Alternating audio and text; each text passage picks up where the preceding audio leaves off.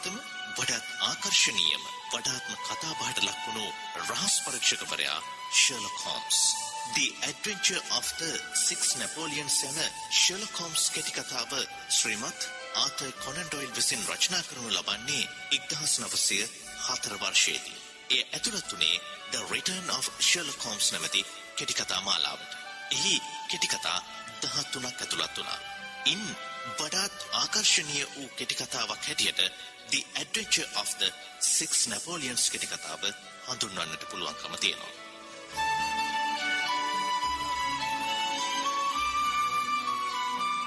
විවිධ අපරාධ සම්බන්ධයෙන් ෂර්ලොක් හෝම්ස් නමැති රහස් පරීක්ෂකවරයා තමන්ගේ තිවුණු ඥානය භාවිත කරමින් පරීක්ෂණ පවත්වන කතා බොහොමයක් තිබෙනවා. කෙසේවත් The Adventure of the Six Napoleons කතාව ඇතුළේ තිබෙන්නේ යම් අසාමාන්‍ය සිද්ධිධාමයක් පැහැදිලි කර ගැනීමට ෂර්ලොක් හෝම්ස් ප්‍රයත්න දරන අයුරු.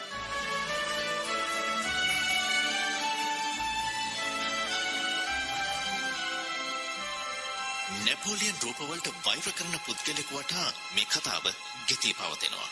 ඔහු නැපෝලියන් රූප සොයා ගොස් බිඳ දමන්නෙක්. පොලිස් පරීක්ෂක ලෙස්ට්‍රේඩ් මෙම සිද්ධිදාමේ නිවැරදි හේතුව හොයා ගැනීමට අපොහොසත් වෙනවා. ඔහු ෂර්ලොක් හෝම්ස්ගේ සහාය බලාපොරොත්තු වෙනවා. ඇත්තටම මේ පුද්ගලයා මේ අසාමාන්‍ය සිද්ධිය සිදු කරන්නේ ඇයි? නැපෝලියන් රූප බිඳ තමන්නේ ඇයි?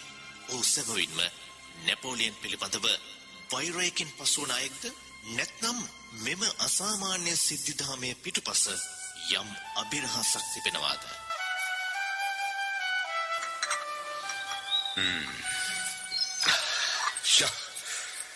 මිස්ටර් හෝම්ස්ගේ කෝපිය එක නම් බොහොම අපූරුයි. උළුවෙන් මොනවා හරි බොන්න ඕනෑම කරලා තිබුණු වෙලාව. ඒකට ස්තුති කරන්න ඕනේ මිසිස් හට්සන්ට. විශේෂ මාත්තුවකට හදන්න. ආ ඉන්ස්පෙක්ටර් ලෙස්ට්‍රෙඩ් ඉන්ස්පෙක්ටර් මේ හීතල දවසේ තකහනියම මෙහාට ගොඩ වුණේ වොට්සන්ගේ මගේ සපදුක් බලලා යන්නේ කියලා නම් මට විශ්වාස කරන්න අමාරුයි. මොකටද බොරු කියන්නේ? පොඩි කේසයක් නම් තියෙනවා. ඔව්. ඒත් ඒක මහා විකාර වැඩක් හින්දා මට ඒ ගැන මිස්ටර් හෝම්ස්ට කියන්න හිත දුන්නේ නැහැ. අනික අතර මේක සුළු දෙයක් වගේ පෙනුනත් මහා අමුතු ගතියක් තියෙනවා. අමුතු ගතියක් නේද? මම දන්නවනේ මිස්ටර් හෝම්ස් ඒ වගේ දේවල් ගැන ලොකු උනන්දුවක් දක්වන වගේ. ඔව් ඒක ඇත්ත. හිතේ කුතුහලයක් ඇති කරන විදිහ අපරාධ ගැන පරීක්ෂා කරන්න තමයි මම කැමති. ඒත් මට හිතෙනවා මේක වඩා බර ඩොක්ටර් වොට්සන්ගේ පැත්තටද කියලා. මොකද ඕන ලෙඩක් සම්බන්ධ එකක්ද? පිස්සුවක්. මහා අමුතුම විදිහක පිස්සුවක්. ඒ කියන්නේ මේ මිනිහා තාමත් නැපෝලියන්ට කොයි තරම් වෛර කරනවද කියනවනම් නැපෝලියන්ගේ ප්‍රතිමාවක් කොහෙදි හරි දැක්කොත් ඒක උස්සලා පොලේ ගහලා කුඩු කරලා දාන. එහෙමනම් ඒක මට අයිති රාජකාරියක් නෙමෙයි. හරි හරි.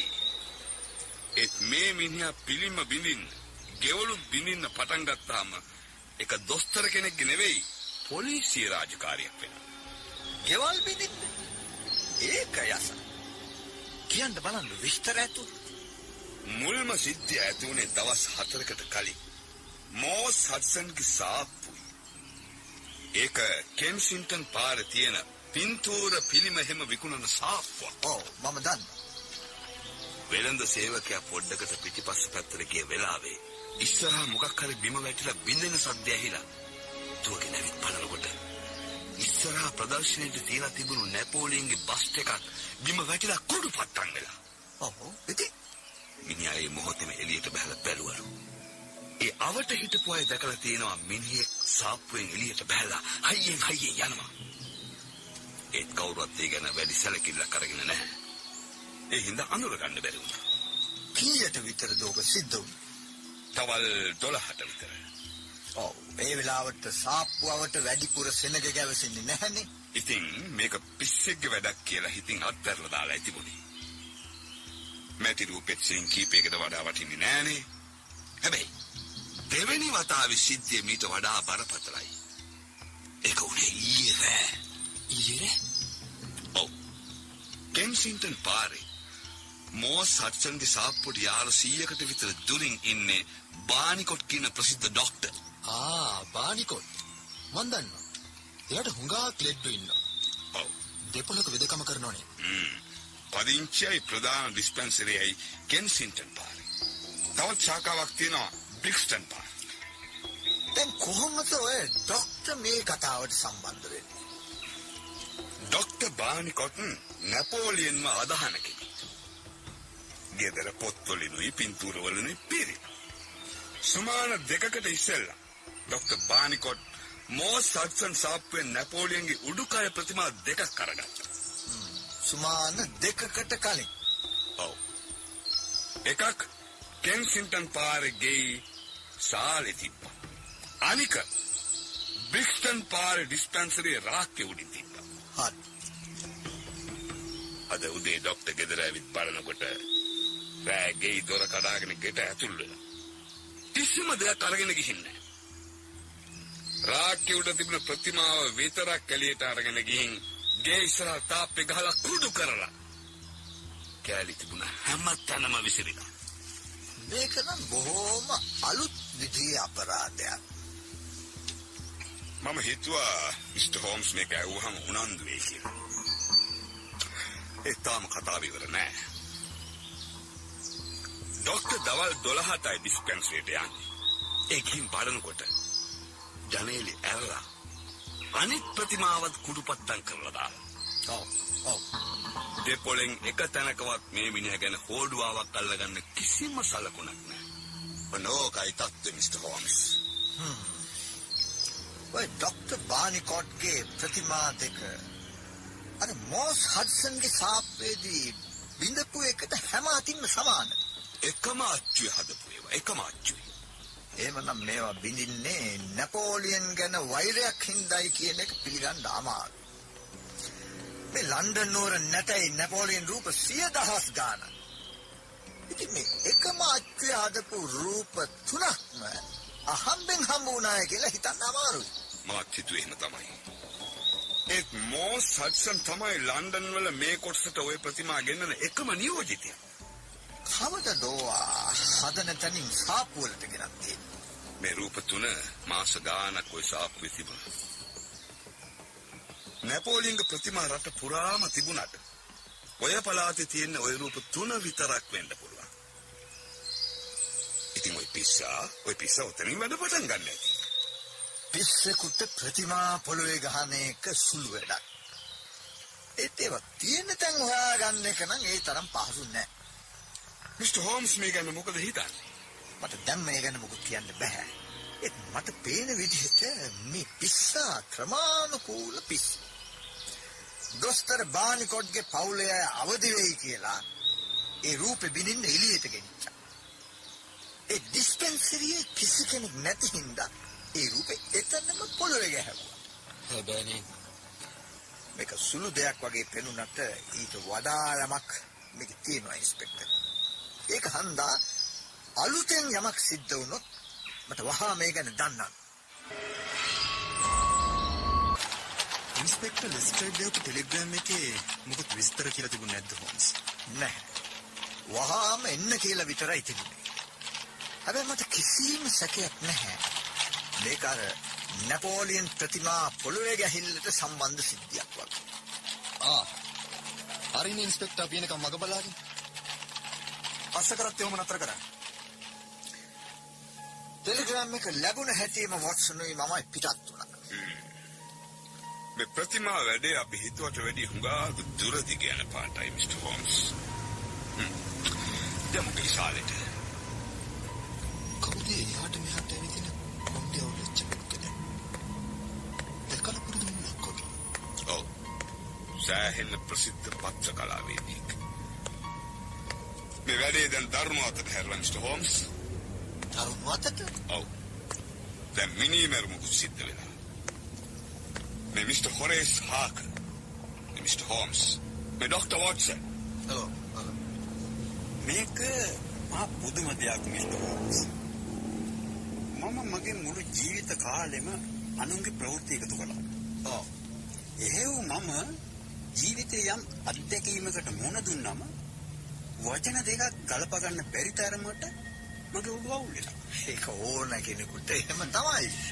මම මෙතෙන්ට වාර්තාකාරයෙක් විදියට ආවනම් මෙලාට මේ ප්‍රවෘත්තිය හවස පත්තරයට ඇරලා ඉවරයි. දැන් මම වැදගත් ප්‍රවෘත්ති අනුන්ට දෙනවා. ඒත් ඒකෙන් මට ප්‍රයෝජනයක් ගන්න බෑ. දැන් වෙච්ච දේ කියන්නකො මිස්ටර් හෝම්ස්ට.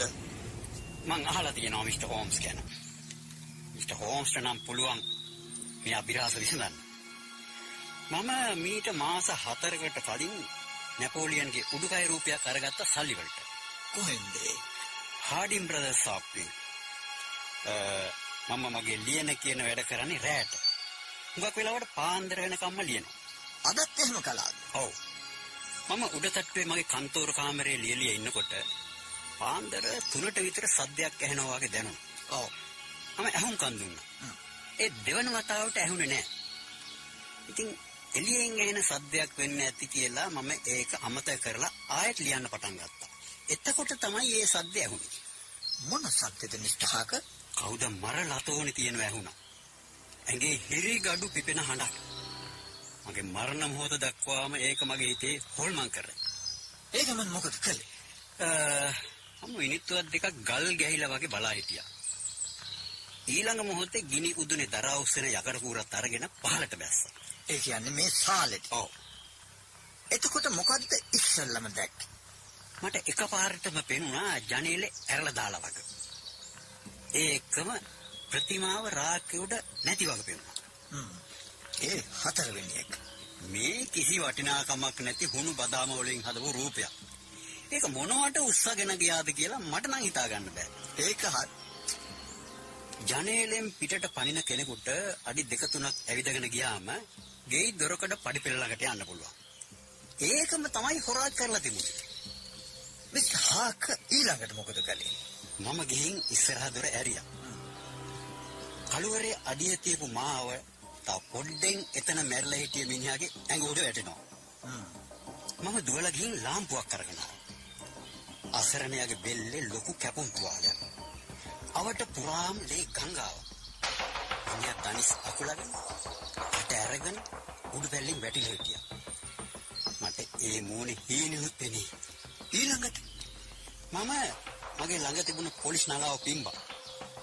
ඒකම මට සීන ඇති වෙන්නේ නැති. ඊළඟට මට මතකයි සාලේ පොලිස් බටේ කවුද ඉන්ස්පෙක්ටර් මරුන් කැමිනියා? මිනිහ මෝචරේ තියෙනවා. ඒ තාම කිසිම හොල්වාවක් නැහැ. උසු මිනිහෙක්. අවුවට හමු තුමුරු පාට වෙලා. හොඳ හැඩි දැඩි ඇඟපත. එහෙමනම් මිස්ටර් හාක කියන විදිහේ අසරණයෙක් නෙවෙයි. වෙන මොනවද විස්තර? වයස 30කට වැඩි නෑ. හරක්කම් මිටක් ගහපු පිහියක් ඒ ළඟ වැටිලා තිබුණා. හරකම් මිටක්. ඔව්. මිනි මරුම කලේ ඒකෙන්ද? නැත්නම් ඒක මරුන් කෑ අය ළඟ තිබුණ එකක්ද කියන එක හරියටම දන්නේ නැහැ. ඇඳුම් වල නමක්වත් නමක අකුරක්වත් ගහලා තිබුණේ නැහැ. වෙන මොනවද ළඟ තිබුණේ? සාක්කුවල තිබුණ ඇපල් ගෙඩියකුයි ලන්ඩන් නුවර සිටියන්කුයි. මෙන්න මේ ෆොටෝ එකක් තිබුණා. කොබලන්. පුංචි කැමරාවකින් ගත්ත එකක්. බොහෝ තියුණු මූණුවරක් තියෙන. මොකම පළල ඇහිදැන්. හරියට වඳුරෙකුගේ වගේ. එතකොට ප්‍රතිමාවට මොකද උනේ? මිස්ටර් හෝම්ස් එන්න මොහොතකට කලින් ඒක නාරංචියක් ලැබුණා. ඒක හම්බ වෙලා තියෙනවා මීට ඩිංගක් දුරින්. පාළු ගෙදරක දොරකඩ තිබිලා. ඒකත් ඒකත් පුංචි කෑලි වලට කැඩිලා. යමුද බලන්න. ඔව්. ඒත් ඊට කලින් මේ ජනේලෙ පොඩ්ඩක් පරීක්ෂා කරලා බලමු. මේ මිනිහා බොහෝම දිග අතපය ඇති. එහෙම නැත්තම් බොහොම කඩිසර කෙනෙක් වෙන්න ඕන. නැත්තම් මෙච්චර උඩින් තියෙන මේ ජනේලෙ අරින එක ලේසි වැඩක් නෙවෙයි. එහෙමනම් යමු ප්‍රතිමාව තිබුණු තැනට. මිස්ටර් හාකර් මොන හරි ලියන්න ඕනේ මේ ගැන අපේ පත්තරේට. අනෙක් පත්තරවල පළවෙනි මුද්‍රණයේ සේරම විස්තර පළ වෙලා ඇති. ඒත් ඉතින් මොනවා කරන්නද?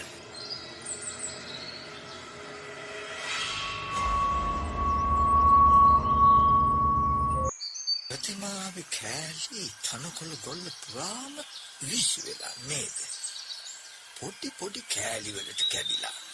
මොකද මිස්ටෝම්ස් මට පේන්නේ අපිට තව බොහෝම දුර යන්න තියෙනවා. ඒත් අපිට හෝඩුවාවල් කීපයක් ලැබිලා තියෙනවා. මේ වැඩකට නැති රූපේ අයිති කරගන්න අපරාධකාරයා මිනිහක් මරන්න පසුබට උනේ නැහැ. ඒක එකක්. අනික මිනිහට ඕන කරන්නේ මේවා බිඳලා දාන්න නම්. ඒ අතුලේදී මේක කරන්න තිබුණා. ඒත් එහෙම කළේ නැහැ. ඇයි මේ අනිත් මිනිහාව හදිස්සියේ මුණ ගැහුණාම කලබල වෙන්නේ නැති. ආ, වෙන්න පුළුවන් වොට්සන් කියන එක. ඒත් ඉන්ස්පෙක්ටර් මේ ගේ පිහිටලා තියෙන විදියත් වැදගත්. මේක පාළුගයක් හින්දා බාධාවක් නැතුව වැඩේ කරන්න මෙතෙන්ට එන්න ඇති. ඒත් මීට කලින් තවත් පාළුගයක් තිබුණා. ඒක පහු කරගෙනයි මෙතනට. මේක අතේ තියාගෙන ඉන්න ඉන්න අවධානම වැඩි.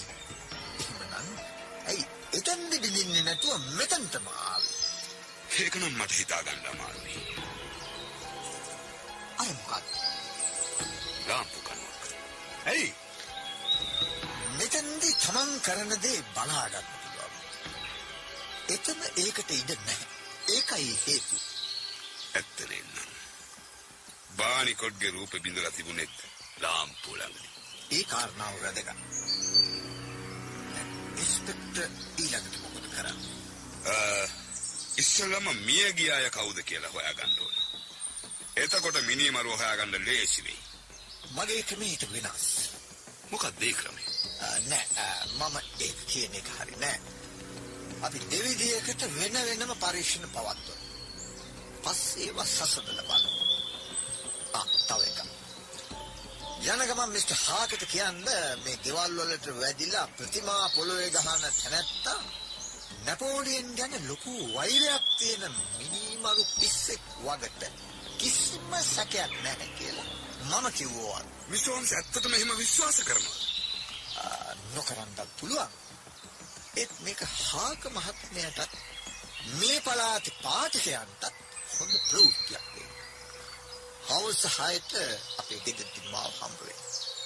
ඉන්ස්පෙක්ටර් එනකන් ওই ෆොටෝ එක මගේ ළඟ තියාගන්න. මම හිතන දේ හරිනම් අතරෑ කෙරෙන වැටලීමකට අපිට ඉන්ස්පෙක්ටර්ගේ උදව් අවශ්‍යයි.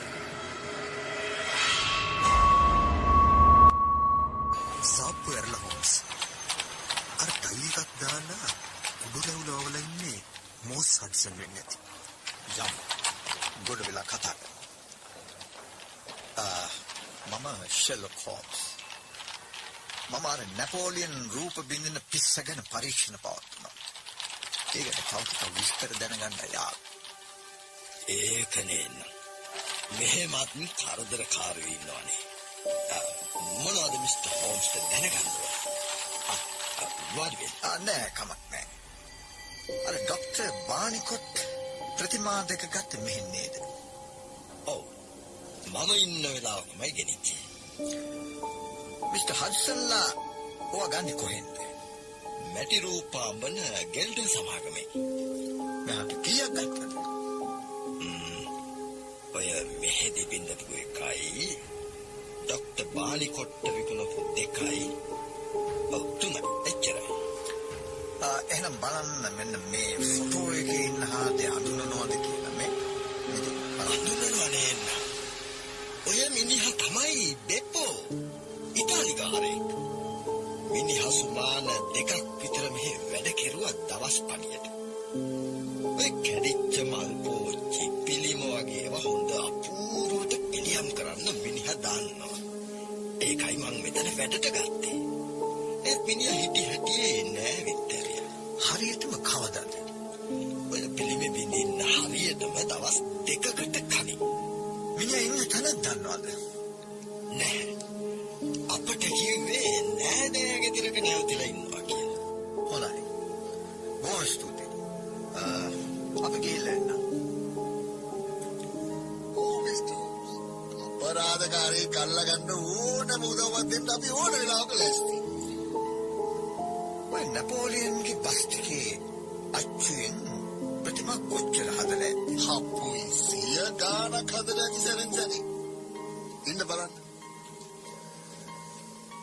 අන්තිම වතාවට අපි අඹලා තියෙනවා රූප 6ක් අවුරුද්දකට කලින්. කොහාට කොහාටද විකුණලා තියෙන්නේ? තුනක් මෝස් හඩ්සන් සාප්පුවට. ඔව්.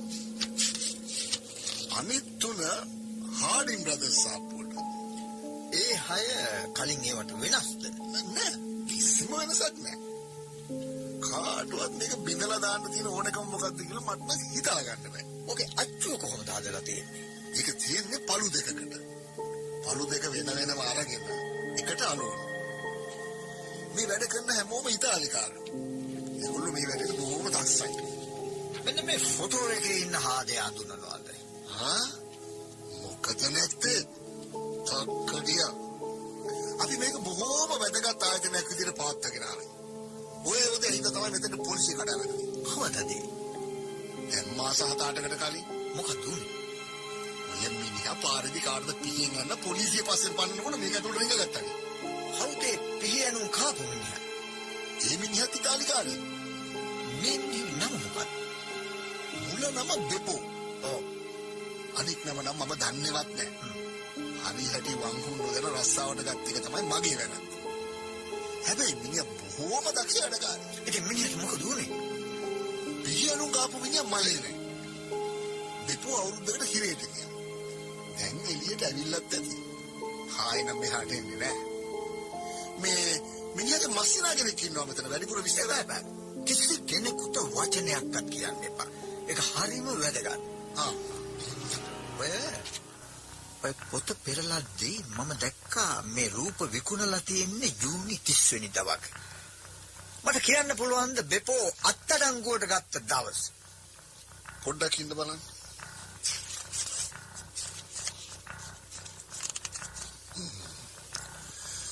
බෙපෝ අන්තිමට පඩි අරගෙන තියෙන්නේ මැයි 20 වෙනිදා. ආ හොඳයි.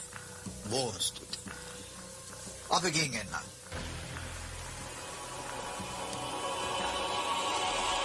හා හෝම්ස්ගේ ප්‍රවෘත්ති පත්තරේ මුල පිටේම දාලා තියෙන ලොකු අකුරේ.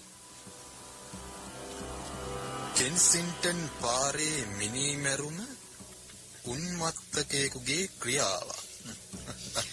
එහෙනම් මිස්ටර් හාකර් කියපු විදිහටම වැඩේ කළා තියෙනවා. පත්තර වලින් අපරාධ විසඳන්න හුඟක් උදව් ගන්න පුළුවන්. හැබැයි ඒක කරන නියම පිළිවෙල දැනගන්න ඕනේ. හෝම්සේ hina වෙන විදියට මොකක් හරි හොරයක් තියෙනවා. වොට්සන් වැඩ දෙකක් බාරගත්තනේ. පත්තර ගේන එකයි හාඩින් බ්‍රදර්ස් සාප්පුවෙන් විස්තර දැනගන්න එකයි. කොහොමද ඒ වැඩි? ෆොටෝ එකේ ඉන්න හාදයා එතන ඉන්න කවුරුවත් අඳුරන්නේ ඒ සාප්පුවට අරන් තියෙන්නේ නැපෝලියන් රූප තුනයි. ඉතින් එකක් මිස්ටර් හාකර් එක. මම බිල් පොතක් දැක්කා. එතකොට අනිත් දෙක ඒ දෙක ගත්ත අයගේ නම් ගම් ඇඩ්‍රස් මම ලියාගත්තා. බිල් පොත නිකන් මේසුක දාලා තිබුණා. වැඩ කරන කෙනෙකුට ඕනේ නම් ඒක පිටු පෙරලා ඕන විස්තර බලගන්න පුළුවන්. කොහොමද මිස්ටර් හෝම්ස් පරීක්ෂණය? ආ, නරක නෑ ඉන්ස්පෙක්ටර්. අපි සාප්පු දෙකටයි රූපාමන තැනටයි ලින්ක් කරුණු හොයාගත්තා. දැන් ඒ හයම ගත්ත අය ගැන තොරතුරු දාන්න. රූප? ඔව්. ඒ මොකටද? හරි හරි. මිස්ටර් හෝම්ස්ගේ ක්‍රම වෙනස්නේ. ඒත් ඒත් මම හිතන්නේ මගේ පරීක්ෂණය වඩා සාර්ථකයි. මම මියගිය තනත්ත කවුද කියන එකයි මිනීමැරුමට හේතුවයි දෙකම හොයාගත්තා. ෂා බොහොම අපූර්වයි. නම පියට්‍රෝ වෙනුසි. මාපියාවට සම්බන්ධ කෙනෙක්. බෙපෝ හොයාගෙන යන්න ඇත්තේ මිනිහාව මරන්න මාපියාවෙන් අන ලැබිලා වෙන්න ඇති. ෆොටෝ එක අරගෙන යන්න ඇත්තේ හරියට අඳුරගන්න. ඒ බෙපෝ ඉස්සරම. හරි හරි හරි. එන් තවම ප්‍රතිමා විනාශ කරන්න හේතුව පැහැදිලි වුණේ නැහැ. මිස්ටර් හෝම්ස්ගේ ඔළුවේ තියෙන ප්‍රතිමාවමයි. ඒකින් වැඩක් නෑ. පොඩි හොරකමක් පොඩි හොරකමක්. වැඩිම වුණොත් දඬුවම හය මාසයයි. මේ මිනීමෙරුමයි වැදගත්. දැන් මොකද ඊළඟට කරන්නේ? ඉතාලිකාරයෝ ඉන්න දිහාවට ගිහින් මේ මිනිහව අත්අඩංගුවට ගන්නවා. එනවද? නෑ. අපි වෙන ක්‍රමයක් අත්දැක බලනවා. මේකේ ප්‍රතිඵල රඳා පවතින්නේ අපේ පාලනයෙන් බැහැර වූ කරුණක් මත. අපි එක්ක ආවොත් මිනිමරු අල්ලගන්න බැරි වෙන එකක් නැහැ. ඉතාලිකාරයෝ ඉන්න මණ්ඩියේදී නැහැ. කිස්ටික් වලදී. එන්න අපිත් එක්ක. ඒ අතරේ වොට්සන් මට පණිවිඩකාරයෙක්ට බොහොම හදිස්සි පණිවිඩයක් යවන්න තියෙනවා. අන්න අන්න. කොයි පැත්තටද යන්නේ කියලා. මිනිහා වත්තට ඇතුළුනා. ජනේලෙ ළඟට ගියා. මිනිහා ළඟ කොක්කක් වගේ එකක් තියෙනවා ජනෙල් අරින්න හදාගත්ත. අන්න අන්න ජනේලෙන් ඇතුළට පැන්නා.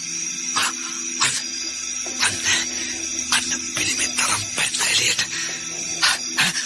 පොලේ ගන්න යන්නේ. හරි පොලේ ගන්න යන්නේ. අල්ලගත්ත ගමන් දාන්න මාන්තුවක් දෙක.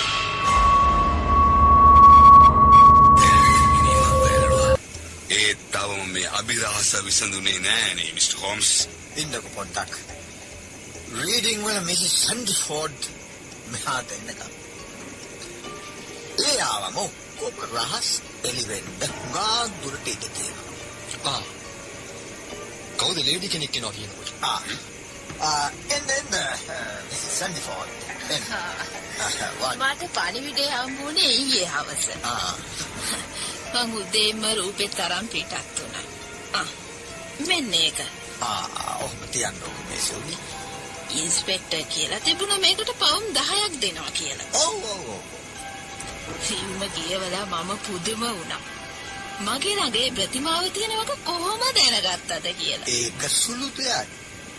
හාඩින් බ්‍රදර්ස් සාප්පෙන් මට කිව්වා අන්තිම නැපෝලියන් රූපෙ වික්කේ මිසිස් සැන්ඩිෆෝඩ්ට වගේ. මං ඒකට ගෙව්ව මුදලත් කිව්වද? නැහැ.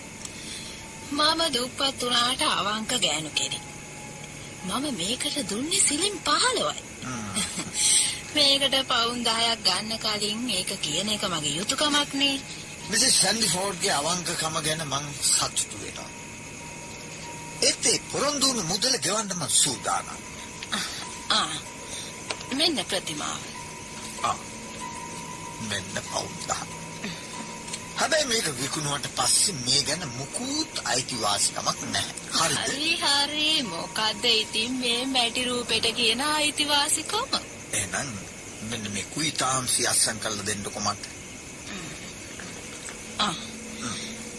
එහෙමනම් මම ගිහින් එන්නම්. ආ හොඳයි බෝස්. එයුන්සි ගත්තේ කුඩු කලේ? ඒක තමයි හරියට බලන්නවත් ලැබුණේ නැහැ. වොට්සන් දන්නවද?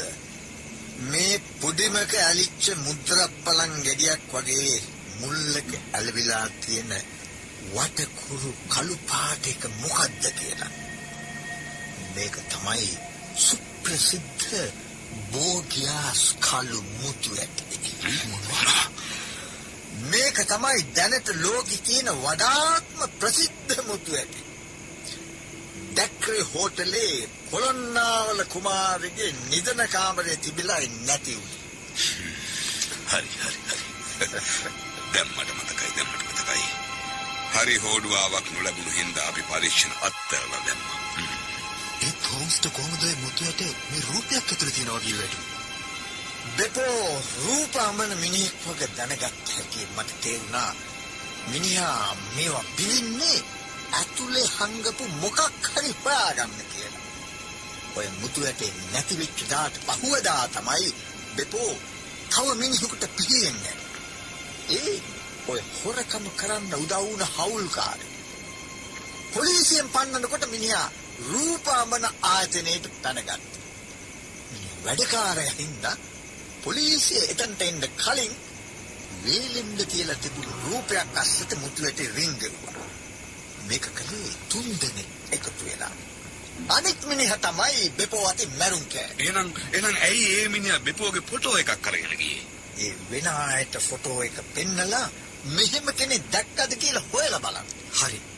මිනිහා මෝස් හඩ්සන් සාප්පුවේ වැඩට බැඳුනේ මැටි රූපකය දැන හොයාගන්න. අන්න හරි. තවත් එකක් තියෙන වොට්සන්. ඒ මොකද? මේ මුතුවැටිය සොයාදුම් කෙනෙකුට ලැබෙන තෑග්ග පවුන් 1000ක්. එකක් විතරක් පැහැදිලි මදි. අන්තිම ප්‍රතිමා දෙකෙන් හොරා මුලින් බිඳින්න යන්නේ මිසිස් සැන්ඩිපෝඩ්ගේ එක නෙමෙයි අනිත් එක කියලා කොහොමද දැනගත්තේ? ඕනෑම කෙනෙක් ඉස්සල්ලම යන්නේ ළඟ තියෙන තැනට ඉන්ස්පෙක්ටර්